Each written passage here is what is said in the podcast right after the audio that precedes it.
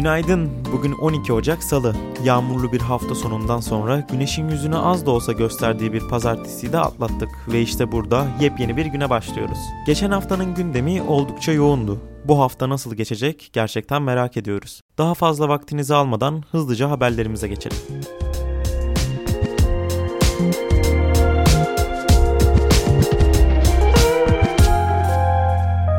Bundan tam bir sene önce Wuhan'da ilk resmi Covid-19 ölümünün açıklanmasının bugün yıl dönümü.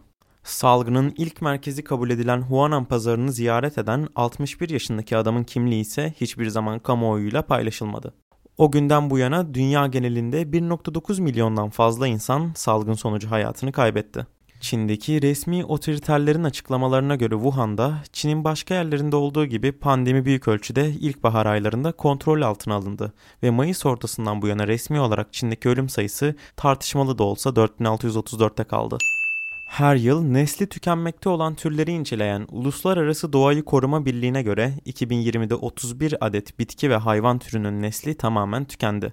Filipinler'deki Lanao Gölü'ne özgü bir tatlı su balığı olan barbot türü ve 1990 yılından beri fotoğrafı çekilemeyen 3 Orta Amerika kurbağası türü de nesli tükenenler arasında. Bununla birlikte tatlı su yunuslarının da tehlike altındaki türler arasına katıldığı açıklandı. Bu yok oluşların ve tehditlerin nedeni ise yırtıcı türlerin ortaya çıkması ve aşırı avlanma.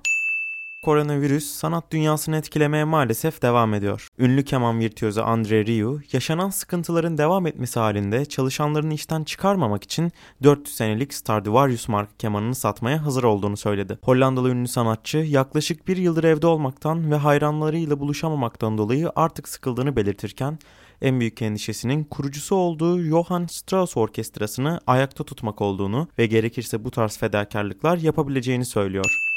Alman hükümet sözcüsü Stefan Seibert, şansölye Angela Merkel'in Donald Trump'ın sosyal medya hesaplarının askıya alınmasını bir sorunsal olarak gördüğünü söyledi. Seibert, ifade özgürlüğüne sosyal medya patronlarının değil ancak kanunların ve yasama organlarının müdahalede bulunabileceğini belirtirken, sosyal medya platformlarının yalan ve provokatif haberlere yine de sessiz kalmaması gerektiğini ancak bunun paylaşılan gönderilere uyarı notu ekleyerek yapmasını gerektiğini de hatırlattı.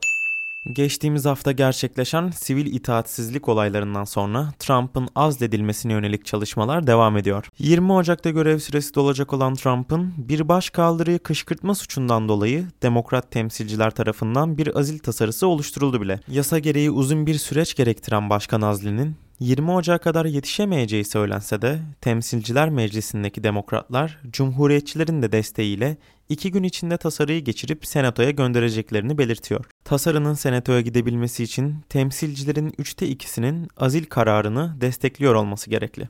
Kırgızistan'daki ikili seçimlerden zaferle çıkan Yolsuzluğu Önleme Ajansı'nın eski başkanı Sadir Kaparov oldu. Oyların büyük çoğunluğunu alan Kaparov, ikinci tura gerek kalmadan ülkenin cumhurbaşkanı oldu. İkili seçimin diğer ayağında ise Kırgızistan halkı parlamenter sistemden devlet başkanlığına geçişe %80 kabul oyu vererek yönetim şeklinde de değişime gitti. Bugünlük maalesef bu kadar diyelim.